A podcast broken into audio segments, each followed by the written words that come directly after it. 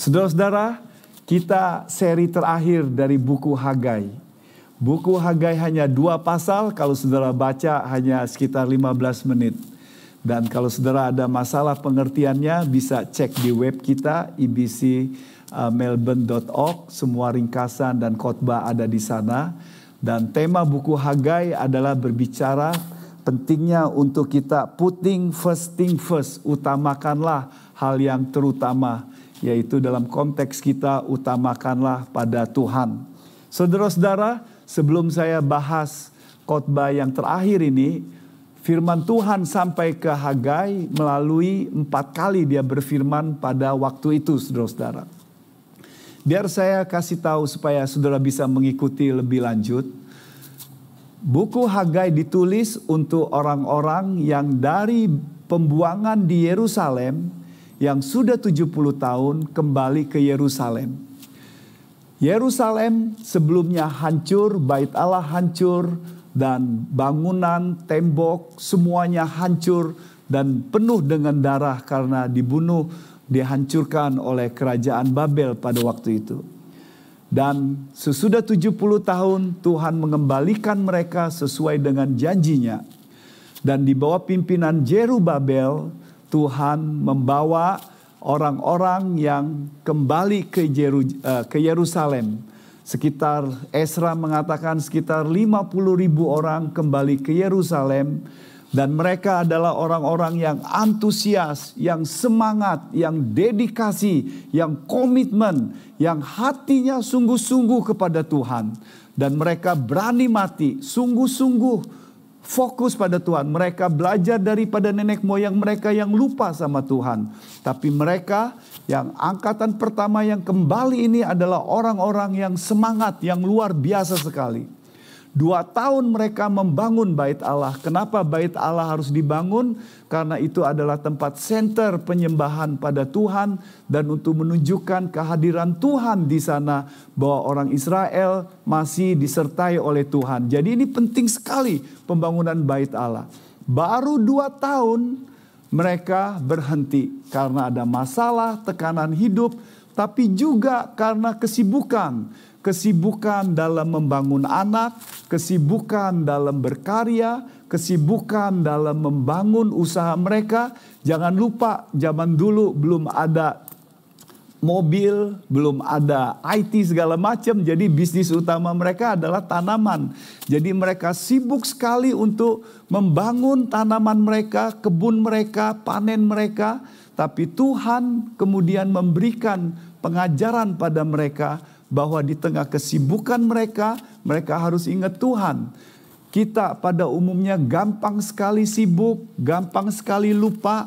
Dulu kita semangat, antusias, tapi ketika waktu berjalan kadang-kadang komitmen dan cinta itu bisa hilang. Sama seperti waktu pacaran semangat luar biasa sekali, tapi sudah menikah kadang-kadang kasih dan cinta itu mulai pudar.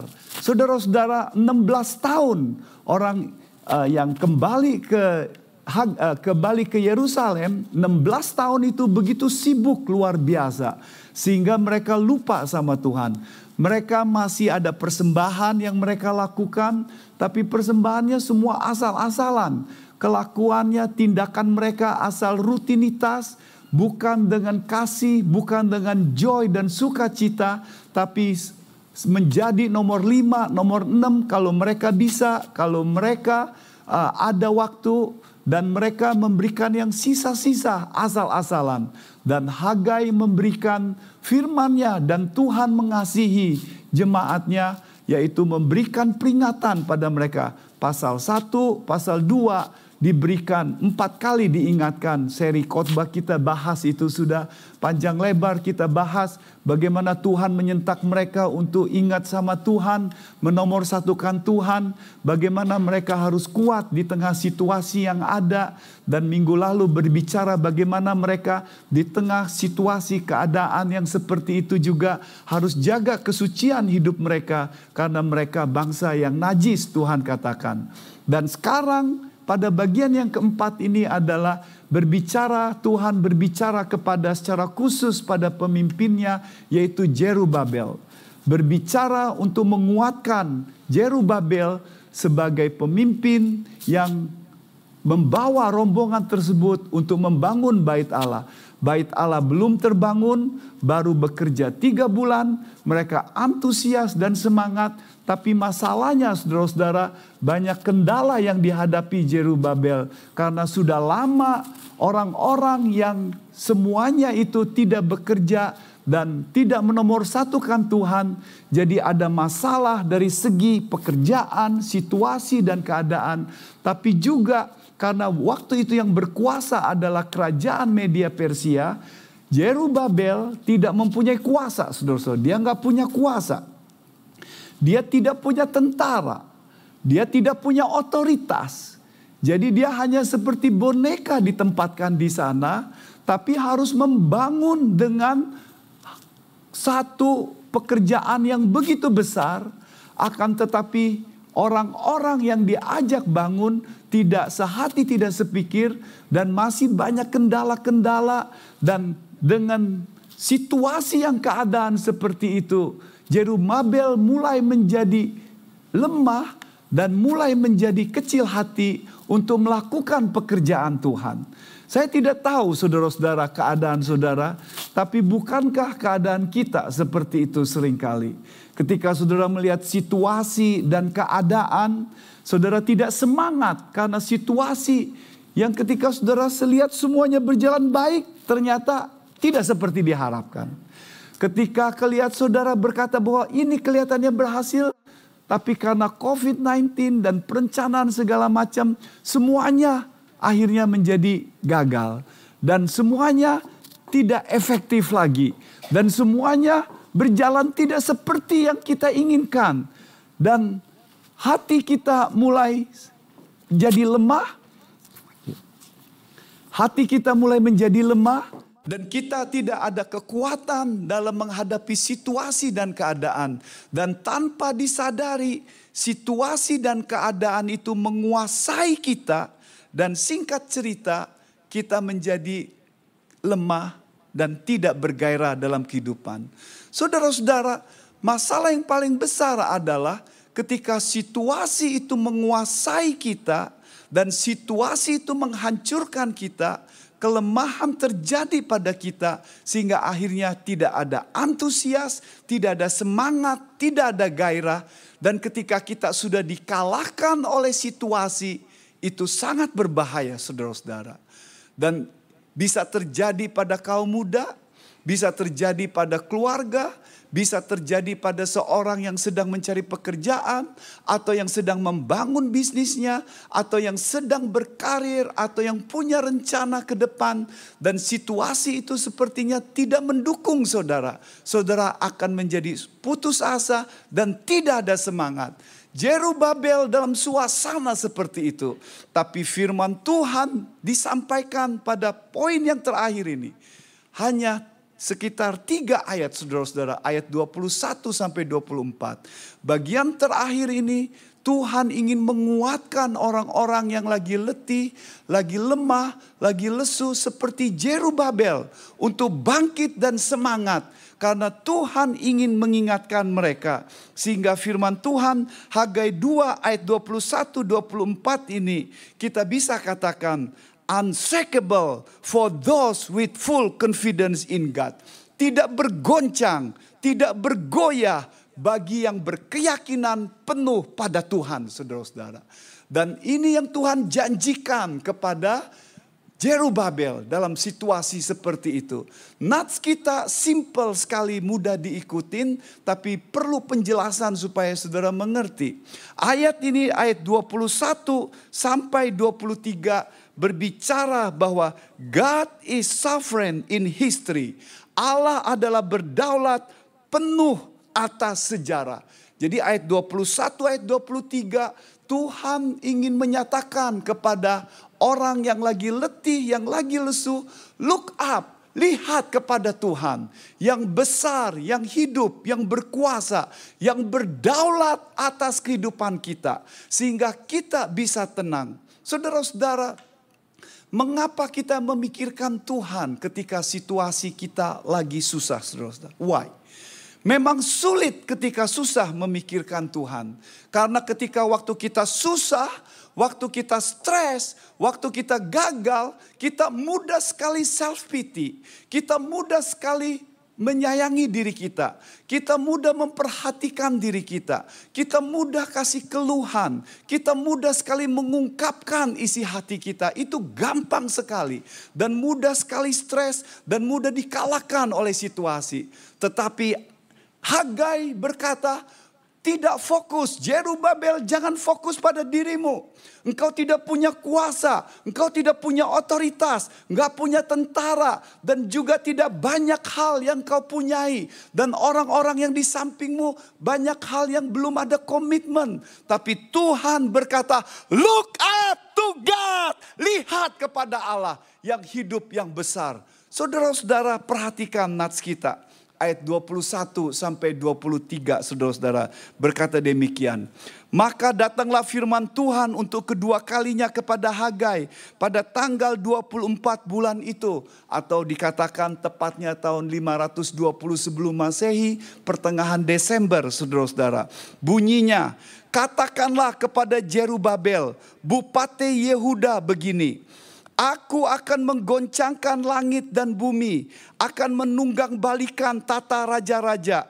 Aku akan memunahkan kekuasaan kerajaan bangsa-bangsa dan aku akan menjungkir balikan kereta dan pengendaranya. Kuda dan pengendaranya akan mati rebah masing-masing oleh pedang temannya. Saudara-saudara, kalau saudara baca ini, saudara perhatikan bagaimana orang yang lagi susah seperti Jerubabel, yang lagi lemah dan tidak ada kekuatan, dan Tuhan memberi kekuatan bahwa Dia akan bekerja. Saudara perhatikan kata yang dipakai di situ, bahwa katanya yang dipakai di situ adalah untuk menunjukkan bahwa Tuhan sendiri bekerja. Kalau saudara perhatikan baik-baik ayat 22 dikatakan di situ sekitar beberapa kali diulang. Aku akan menggoncangkan langit dan bumi. Aku akan menunggangkan tata-tata raja. Aku akan memunahkan kekuasaan kerajaan bangsa-bangsa. Aku akan menjungkir balikan kereta dan pengendaranya, kuda dan pengendaranya akan mati rebah masing-masing oleh pedang temannya. Poin yang mau dikatakan oleh Tuhan kepada Jerubabel adalah di tengah situasi keadaan di mana engkau tidak punya kekuasaan, tapi yang berkuasa itu bukan engkau, yang berkuasa bukan media Persia, yang punya kuasa adalah dikatakan di situ, akulah Tuhan dikatakan. Aku akan menggoncangkan langit dan bumi, menunggangkan tata raja-raja. Sama seperti Amsal berkata bahwa hati raja ada di dalam tangan Tuhan, dialirkannya seperti aliran air tersebut, saudara-saudara. Dia mengalirkannya begitu enaknya raja-raja. Jadi tekanan di sini, saudara-saudara, mau tidak mau kita melihat dan Jerubabel diingatkan oleh Tuhan, lihat fakta sejarah yang ada. Saudara perhatikan baik-baik, karena bagi perjanjian lama ketika saudara menguasai ini akan menolong saudara. Bagaimana Tuhan itu adalah sangat berdaulat, sangat berkuasa, dan Dia adalah yang berkuasa atas sejarah, atas raja-raja, posisi kedudukan. Lihat, saudara-saudara, Tuhan berfirman khususnya dalam Habakuk dan Jeremia dikatakan bahwa nanti akan ada bangsa yang menghancurkan Yerusalem. Bangsa itu disebut namanya bangsa Babel. Jadi kerajaan Babel menghancurkan. Dan dikatakan dan itu tepat waktunya saudara-saudara. 587 sesudah berapa tahun dikepung Yerusalem 587 sebelum Masehi, Yerusalem hancur, bait Allah hancur, semuanya hancur dan dibuang ke Babel. Jeremia berkata 70 tahun. Jeremia 25 ayat 11 sampai 12 berkata nanti akan dibuang 70 tahun dan 70 tahun mereka ada di Babel tepat saudara-saudara. Hebat nggak? 70 tahun. Saudara berpikir dalam sejarah dikatakan bahwa kerajaan Nebukadnezar itu adalah kerajaan yang hebat pada waktu itu di daerah khususnya de, penguasaan dunia khususnya daerah Timur Tengah pada waktu itu dan sekitarnya. Sejarah menyatakan bahwa raja-raja Babel itu sombong dan congkak. Why? Karena tentaranya hebat, karena pertahanannya hebat. Kalau saudara lihat di Google, saudara akan lihat bagaimana pertahanan kerajaan Nebukadnezar pada waktu itu temboknya semuanya itu begitu kuat dan tidak ada yang bisa akan mengalahkan saudara-saudara. Jadi mereka sombong itulah sebabnya dikatakan dalam buku Daniel Raja Nebukadnezar begitu sombong akhirnya direndahkan. Yang jadi masalah mereka lupa bahwa di tengah situasi itu ada kelemahan dari mereka, yaitu ada sungai yang di bawah Babel tersebut dan sejarah mencatat saudara-saudara dengar baik-baik karena ini fakta sejarah. 539 sebelum Masehi Raja Darius, Raja Media Persia berkuasa lalu mengalahkan kerajaan Babel bukan dengan peperangan saudara-saudara. Tentaranya masuk menggali dari bawah sungai, lalu masuk ke dalam ibu kota, langsung seperti Daniel pasal 5 katakan bahwa rajanya Belsasar anak daripada Jerubal uh, Nebukadnezar itu meninggal dunia lalu mati saudara-saudara dan 539 sebelum Masehi kerajaan media Persia berkuasa dunia pada waktu itu Hebat nggak saudara-saudara? Tepat apa yang dikatakan oleh Tuhan, apa yang dikatakan oleh Habakuk, apa yang dikatakan Yeremia. Bahwa Tuhan yang mengontrol. Raja Babel dikalahkan oleh media Persia. Lalu kemudian firman Tuhan seperti Yeremia 25 ayat 12 dan 13 dikatakan bahwa 70 tahun nanti akan sesudah di pembuangan akan dikembalikan zaman Raja Media Persia sekitar 538 sebelum Masehi Darius memerintahkan orang Yerusalem boleh kembali ke Yerusalem. Itu pas 70 tahun saudara-saudara. Hebat nggak saudara-saudara? Lihat. 70 tahun pas Tuhan membawa mereka kembali ke Yerusalem. Untuk menunjukkan betapa sejarah dan raja-raja itu seperti air di dalam tangan Tuhan. Dialirkan di mana Tuhan inginkan ada tanggung jawab manusia, tapi Tuhan berdaulat berkuasa ketika Dia menentukan, Dia pasti menentukan dan pasti itu terjadi. Dan Alkitab berkata 70 tahun kemudian kembali saudara-saudara. Hebat nggak? Luar biasa sekali saudara-saudara.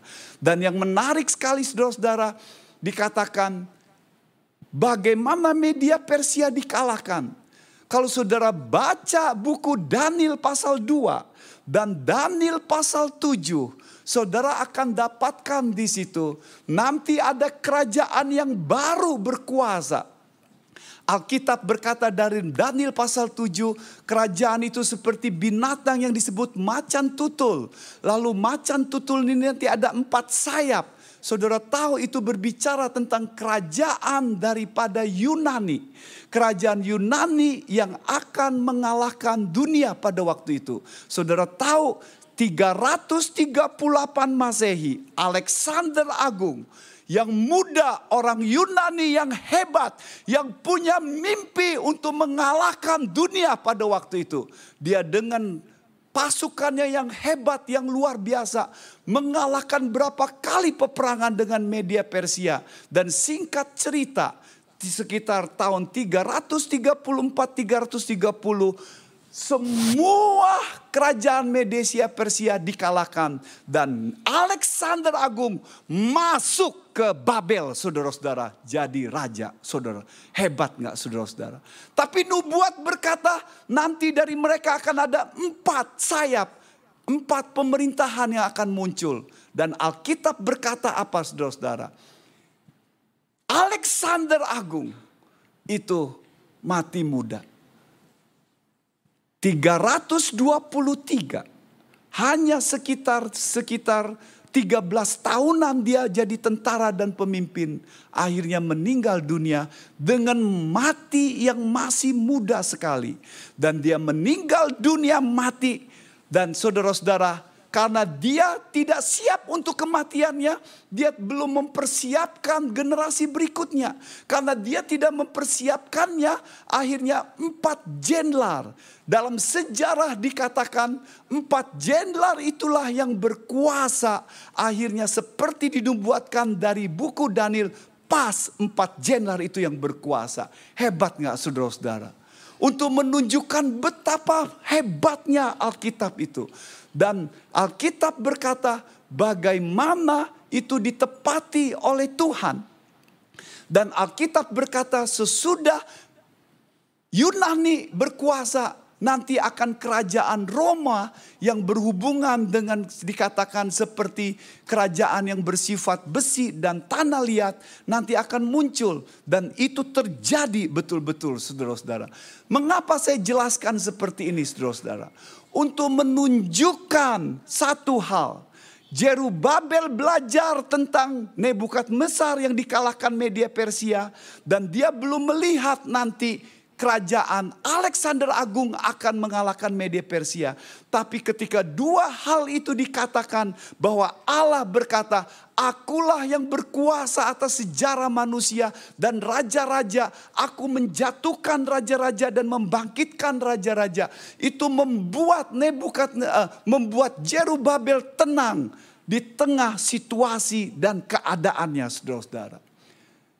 Dan ketika kita belajar seperti ini, untuk menunjukkan Allah kita itu Allah yang besar, Allah yang hebat, Allah yang luar biasa sekali. Buku Hagai menekankan hal yang lain, saudara-saudara. Bukan saja dia menekankan Allah adalah yang berkuasa atas sejarah, tapi juga Allah adalah penguasa atas ciptaan. Saudara perhatikan baik-baik 12 kali istilah yang dipakai Lord of Hosts atau Allah semesta alam dalam buku Hagai. Istilah terjemahan literalnya adalah the Lord who rules over all. Itu Lord of Hosts. Allah semesta alam terjemahan literalnya Allah menguasai segala hal. Allah menguasai memerintah alam semesta. Kalau saudara baca baik-baik buku Hagai dua kali, uh, dua pasal, tapi diulang dua belas kali saudara-saudara. Hagai 1 ayat 1, ayat 5, ayat 7, ayat 9, ayat 14, ayat 4, ayat 6, ayat 7, ayat 8, ayat 9, ayat 11 dan ayat 23 bagian terakhir untuk menunjukkan bahwa Tuhan itu memerintah segala hal untuk menunjukkan bahwa Allah kita adalah Allah yang luar biasa, hebatnya sangat berkuasa, hebat, sanggup untuk campur tangan.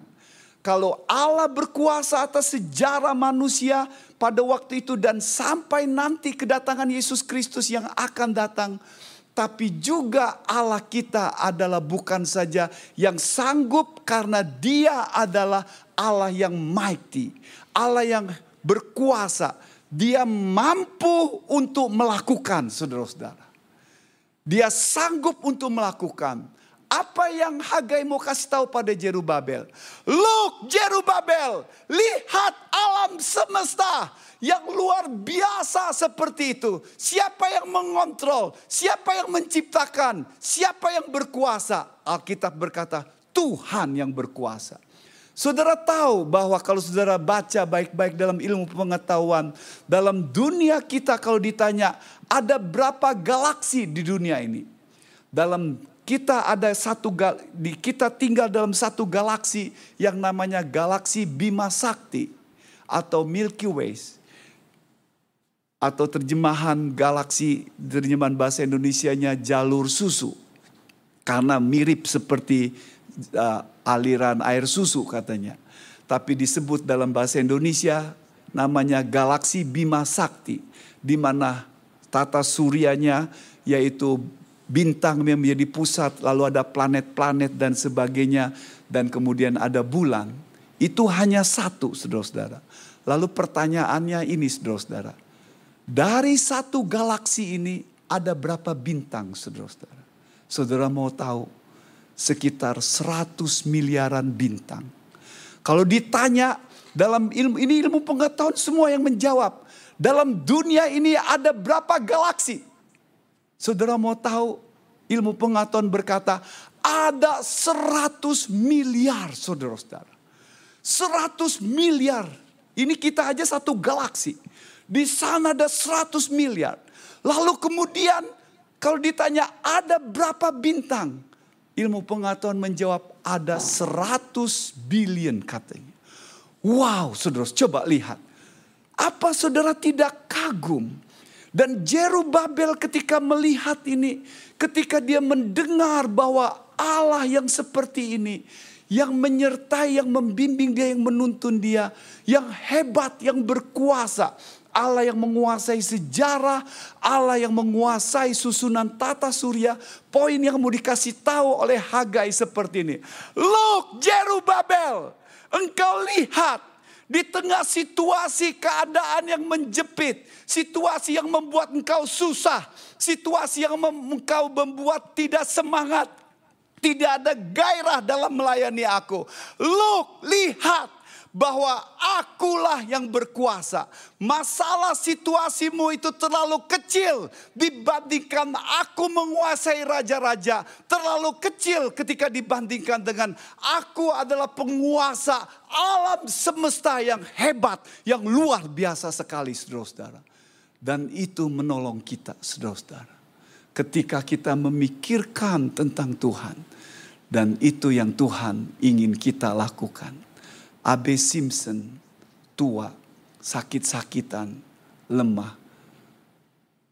Dia ikut Tuhan, melayani Tuhan, tapi sudah berumur dan gak ada gairah, gak ada semangat. Lalu kemudian dia mengasingkan diri memikirkan tentang Tuhan. Ketika dia memikirkan Tuhan, ada lagu dari Afrika yang menguatkan dia Lagunya dua bait tapi diulang-ulang seperti ini. Lagunya No one like him. Nothing is too hard for him. No one can work like him. Lagu itu mau menyatakan tidak ada orang seorang pun seperti Tuhan. Tidak ada yang bekerja seperti dia. Tidak ada yang bekerja seperti dia diulang-ulang menyegarkan dia menyentak.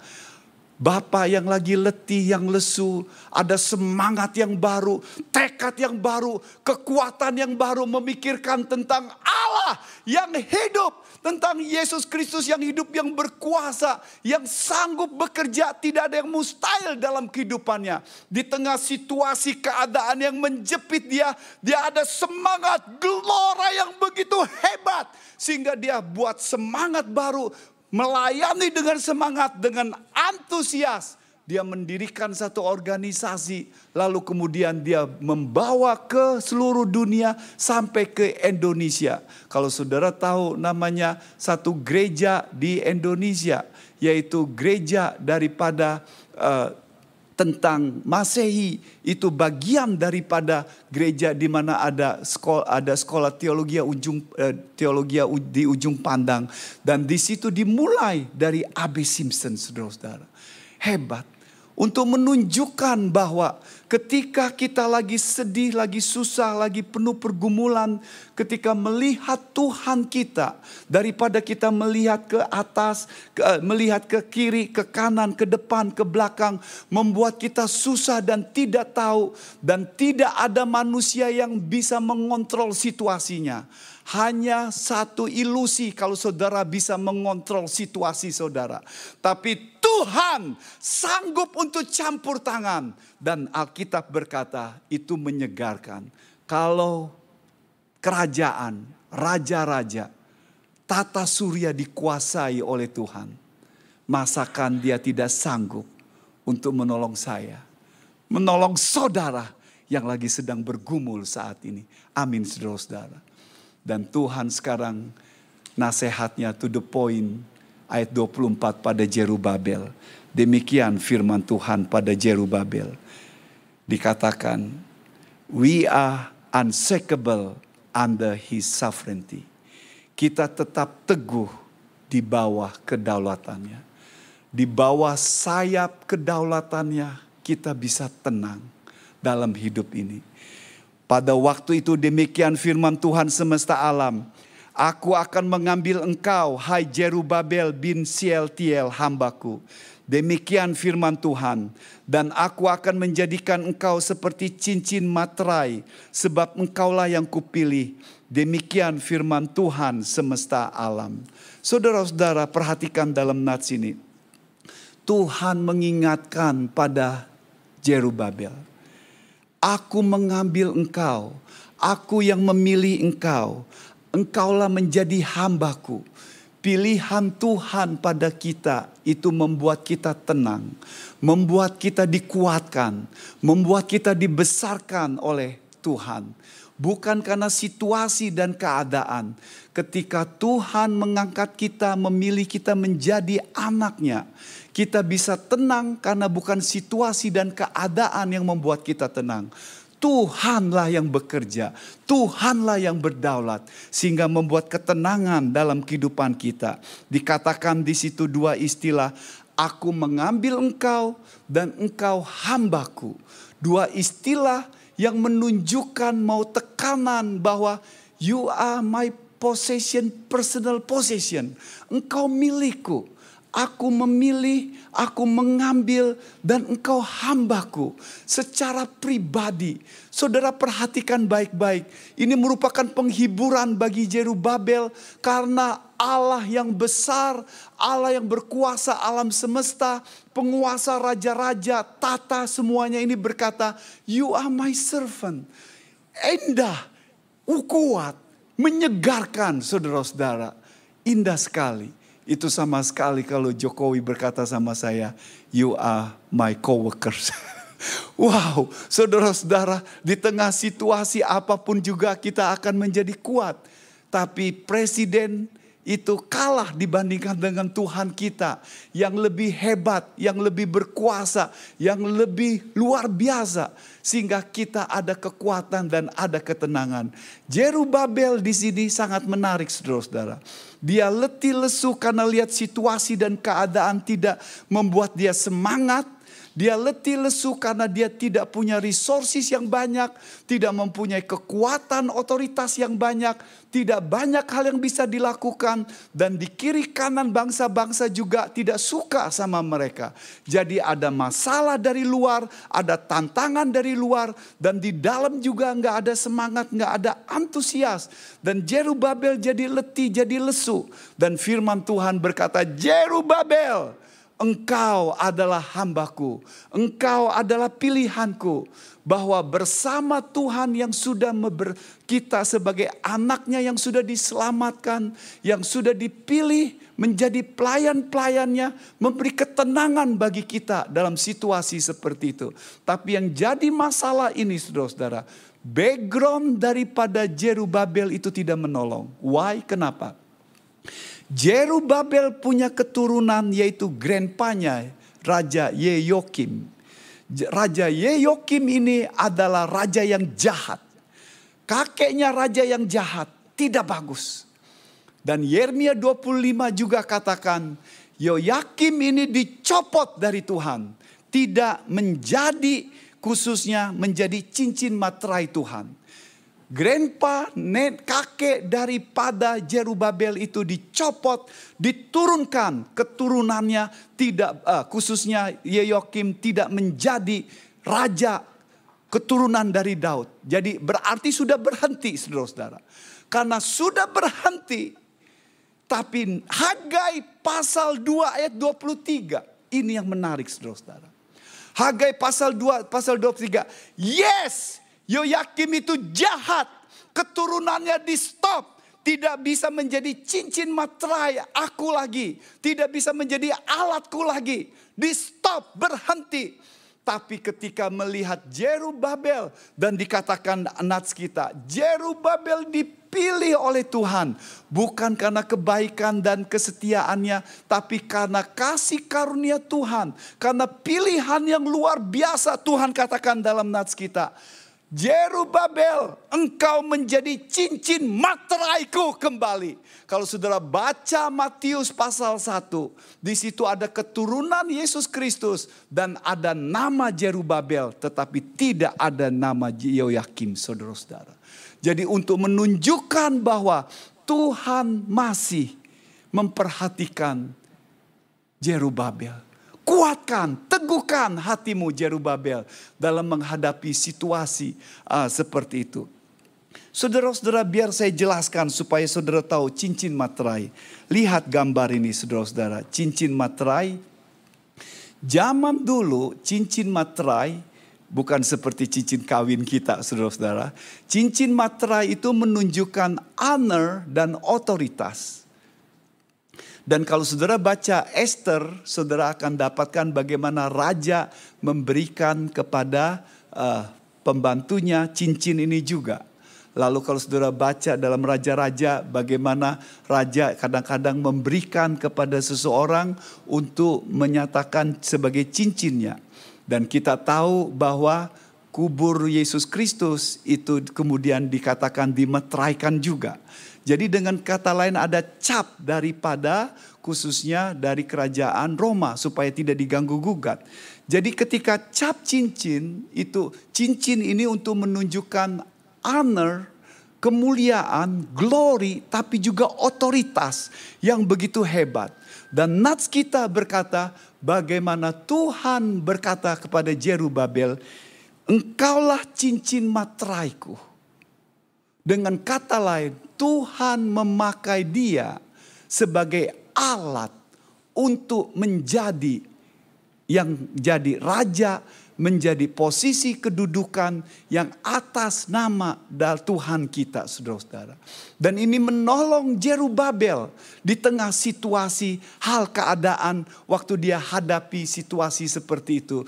Menolong dia waktu dia ketika dikatakan seperti itu bahwa Tuhan beserta dia, otoritas dari Tuhan dan sehingga dia ada semangat yang baru, kekuatan yang baru untuk membangun bait Allah dan Alkitab berkata, empat tahun kemudian Jerubabel bekerja bersama-sama dan bait Allah itu 516 sebelum eh, sebelum Masehi dikatakan bait Allah itu terbangun saudara-saudara. Luar biasa sekali. Ada dorongan dan semangat. Lihat saudara-saudara, ketika Tuhan kita hidup berkuasa yang bersama dengan kita, menguatkan kita, bahwa apa yang direncanakan Tuhan akan menjadi kenyataan, menolong kita untuk berkarya, datang sama Tuhan, berserah penuh sama Tuhan, dan terus bergantung pada sayap kedaulatan Tuhan. Jangan lari ke tempat yang lain, lari kepada Tuhan, dan di sanalah ada perlindungan, saudara-saudara. Saya ingin tutup, saudara-saudara, kata-kata Tuhan kita Yesus Kristus seperti ini. Matius 23 ayat 37 yaitu bicara sayap induk ayam. Untuk menyatakan bahwa ketika kita lagi susah ada masalah, larilah kepada Tuhan. Berharaplah, datanglah pada Tuhan. Jangan ke tempat yang lain. Ayat ini berkata demikian. Tuhan mengingatkan orang Yerusalem yang akan hancur. Yerusalem, Yerusalem, engkau yang membunuh nabi-nabi dan melempari dengan batu orang-orang yang diutus kepadamu. Berkali-kali aku rindu mengumpulkan anak-anakmu, sama seperti induk ayam mengumpulkan anak-anaknya di bawah sayapnya, tetapi engkau tidak mau. Saudara perhatikan dalam nats ini, nats ini adalah ketika Yesus menangisi Yerusalem. Karena Yerusalem ini dablek, Yerusalem ini keras kepala. Orang-orangnya tidak mau percaya, tidak mau berharap sama Tuhan, tidak datang sama Tuhan, tidak bergantung sama Tuhan. Tuhan menubuatkan mereka Yerusalem, Yerusalem. nanti nanti akan hancur, dipunahkan. Tahun 70 Masehi, Jenderal Titus datang mengepung Yerusalem lalu menghancurkan. Kalau saudara baca sejarah itu menyedihkan. Yerusalem itu seperti darah di mana-mana. Orang-orang mati dihancurkan, rumah dirobohkan, bait Allah hancur yang kedua kali dan sesudah itu tidak dibangun lagi sampai sekarang saudara-saudara. Dan Tuhan melihat, Yesus melihat masalah situasi yang ke depan seperti itu. Yesus berkata menangisi mereka. Orang yang keras kepala, orang yang tidak percaya, orang yang tidak mau bergantung kepada dia. Yesus berkata, seperti induk ayam mengumpulkan anak-anaknya di bawah sayapnya, tapi kamu tidak mau. Saudara-saudara perhatikan, anak ayam itu kalau ada masalah, dia akan lari kepada induknya. Dan induknya akan memberikan kepak sayapnya. Lalu kemudian induk ayam ini rela mati untuk anak ayamnya saudara-saudara. Dia bisa mati, dia akan menjaga. Jadi Nats ini mau berkata saudara-saudara. Yesus ingin berkata sama seperti induk ayam yang rindu mengumpulkan bahwa Tuhan kita adalah Tuhan yang rindu untuk datang, rindu untuk mengumpulkan, rindu untuk supaya orang-orang yang lagi bergumul yang agak masalah, bergumul dengan masalah kehidupannya, tantangannya, pergumulan apa saja come to Jesus, datang pada Yesus, berharap, datang minta perlindungan kepada Dia dan itu ada kekuatan. Tapi Nats kita berkata, mereka tidak mau. Mereka tidak mau. Mereka memilih jalannya sendiri, sama seperti banyak manusia yang memilih jalannya sendiri dengan pikirannya, dengan kepandaiannya, dengan hikmatnya, tidak mau datang. Sedangkan otak kita ini otak yang tidak bisa mengerti masa depan dan mengontrol situasi, tapi kita masih saja pengen-pengen mengontrol dan percaya pada diri kita sendiri. Dan nats kita berkata, come datang pada Yesus Kristus. Yesus yang di mana dikatakan di situ nanti akan datang. Jerubabel sebagai prototipe, tipe daripada Yesus Kristus yang nanti akan datang ke dalam dunia di masa akan datang jadi raja di atas segala raja. Tidak bisa dipenuhi oleh Jerubabel karena Jerubabel belum menjadi raja. Tidak pernah dia melihat silsilah. Dia tidak pernah menjadi raja. Tapi ini mau dibuatkan sama dihubungkan dengan Yesus Kristus yang akan datang jadi raja di atas segala raja. Dan Nats ini memanggil kita sama seperti Jerubabel supaya berharap datang sama Tuhan. Dan Nats ini memanggil kita sama kita datang kepada Tuhan kita Yesus Kristus. Saudara-saudara saya lihat di YouTube dan ini best true story ketika induk ayam yang seperti gambar ini yang menjaga anak ayamnya tapi ada cerita yang sangat menarik saudara-saudara. Nanti jangan sekarang tapi nanti pulang di rumah saudara lihat induk ayam lawan kobra. Nanti saudara bisa lihat di situ saudara-saudara. Ya singkat cerita induk ayam lawan kobra yang di video oleh salah satu pengusaha yang tidak profesional ini. Kobra ini ingin makan anak ayam. Lalu kemudian induk ayamnya membela, menopang Lalu kemudian mereka berantem luar biasa sekali. Hingga cerita saudara-saudara. Dilanjutkan singkat ceritanya. Dalam video itu tidak dilanjutkan karena selesai dalam peperangan antara mereka berdua. Tapi dilanjutkan berikutnya. Pemilik itu memberikan foto ini. Induk ayam itu meninggal dunia karena mungkin karena bisa daripada kobra. Tapi yang menarik saudara-saudara, anak ayam itu masih ada di sayapnya saudara-saudara. Itu maksud nats firman Tuhan yang Tuhan katakan. Bahwa sayap kedaulatan Tuhan sayap dari anugerah Tuhan yang hebat, yang kuat. Kalau ayam itu mati, tapi Yesus mati dan bangkit bagi kita. Hidup berkuasa, raja di atas segala raja, dan berkuasa atas alam semesta. Memanggil kita semua, orang-orang muda, memanggil kita semuanya, siapa pun kita, untuk datang dan berharap, bergantung, berlindung, beriman, dan mempercayakan diri di tengah situasi apa pun yang engkau hadapi, Yesus sanggup untuk campur tangan untuk menolong saudara-saudara sehingga kita bisa dengan tenang di bawah sayap kedaulatannya yang memelihara, menguatkan kita. Kenapa harus percaya pada diri sendiri? Biarkan Tuhan yang bekerja. Amin saudara-saudara. Tidak ada yang bekerja seperti dia. No one like him. No one work like him. He can work.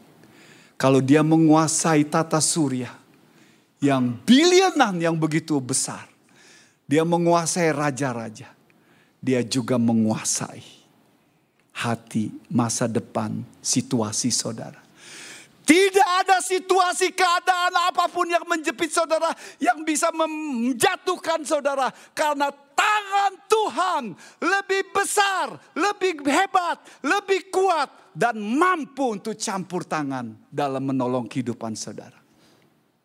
Come to Jesus pada sayap kedaulatan dan anugerahnya. Dia mau. Mari kita berdoa bersama-sama. Kita duduk dengan tenang, biar kita lihat diri kita masing-masing.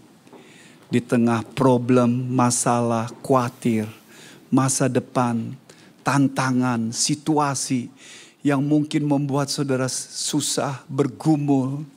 Lihat pagi hari ini.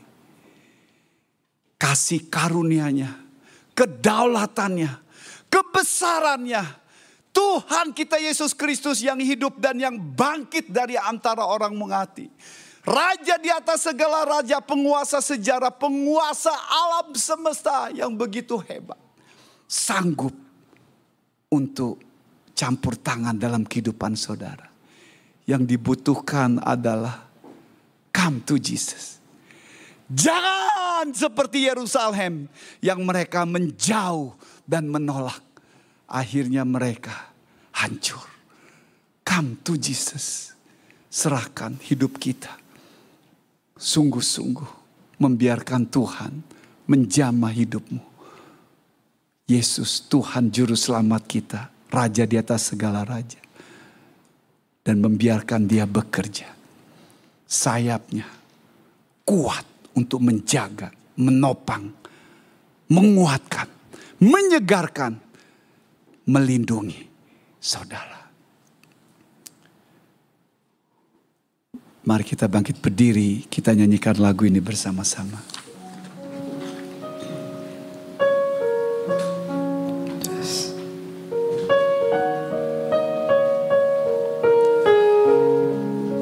No one like him. No one can work like him. Tidak ada yang seperti dia. Tidak ada yang bekerja seperti dia dia sanggup campur tangan. Tiada yang seperti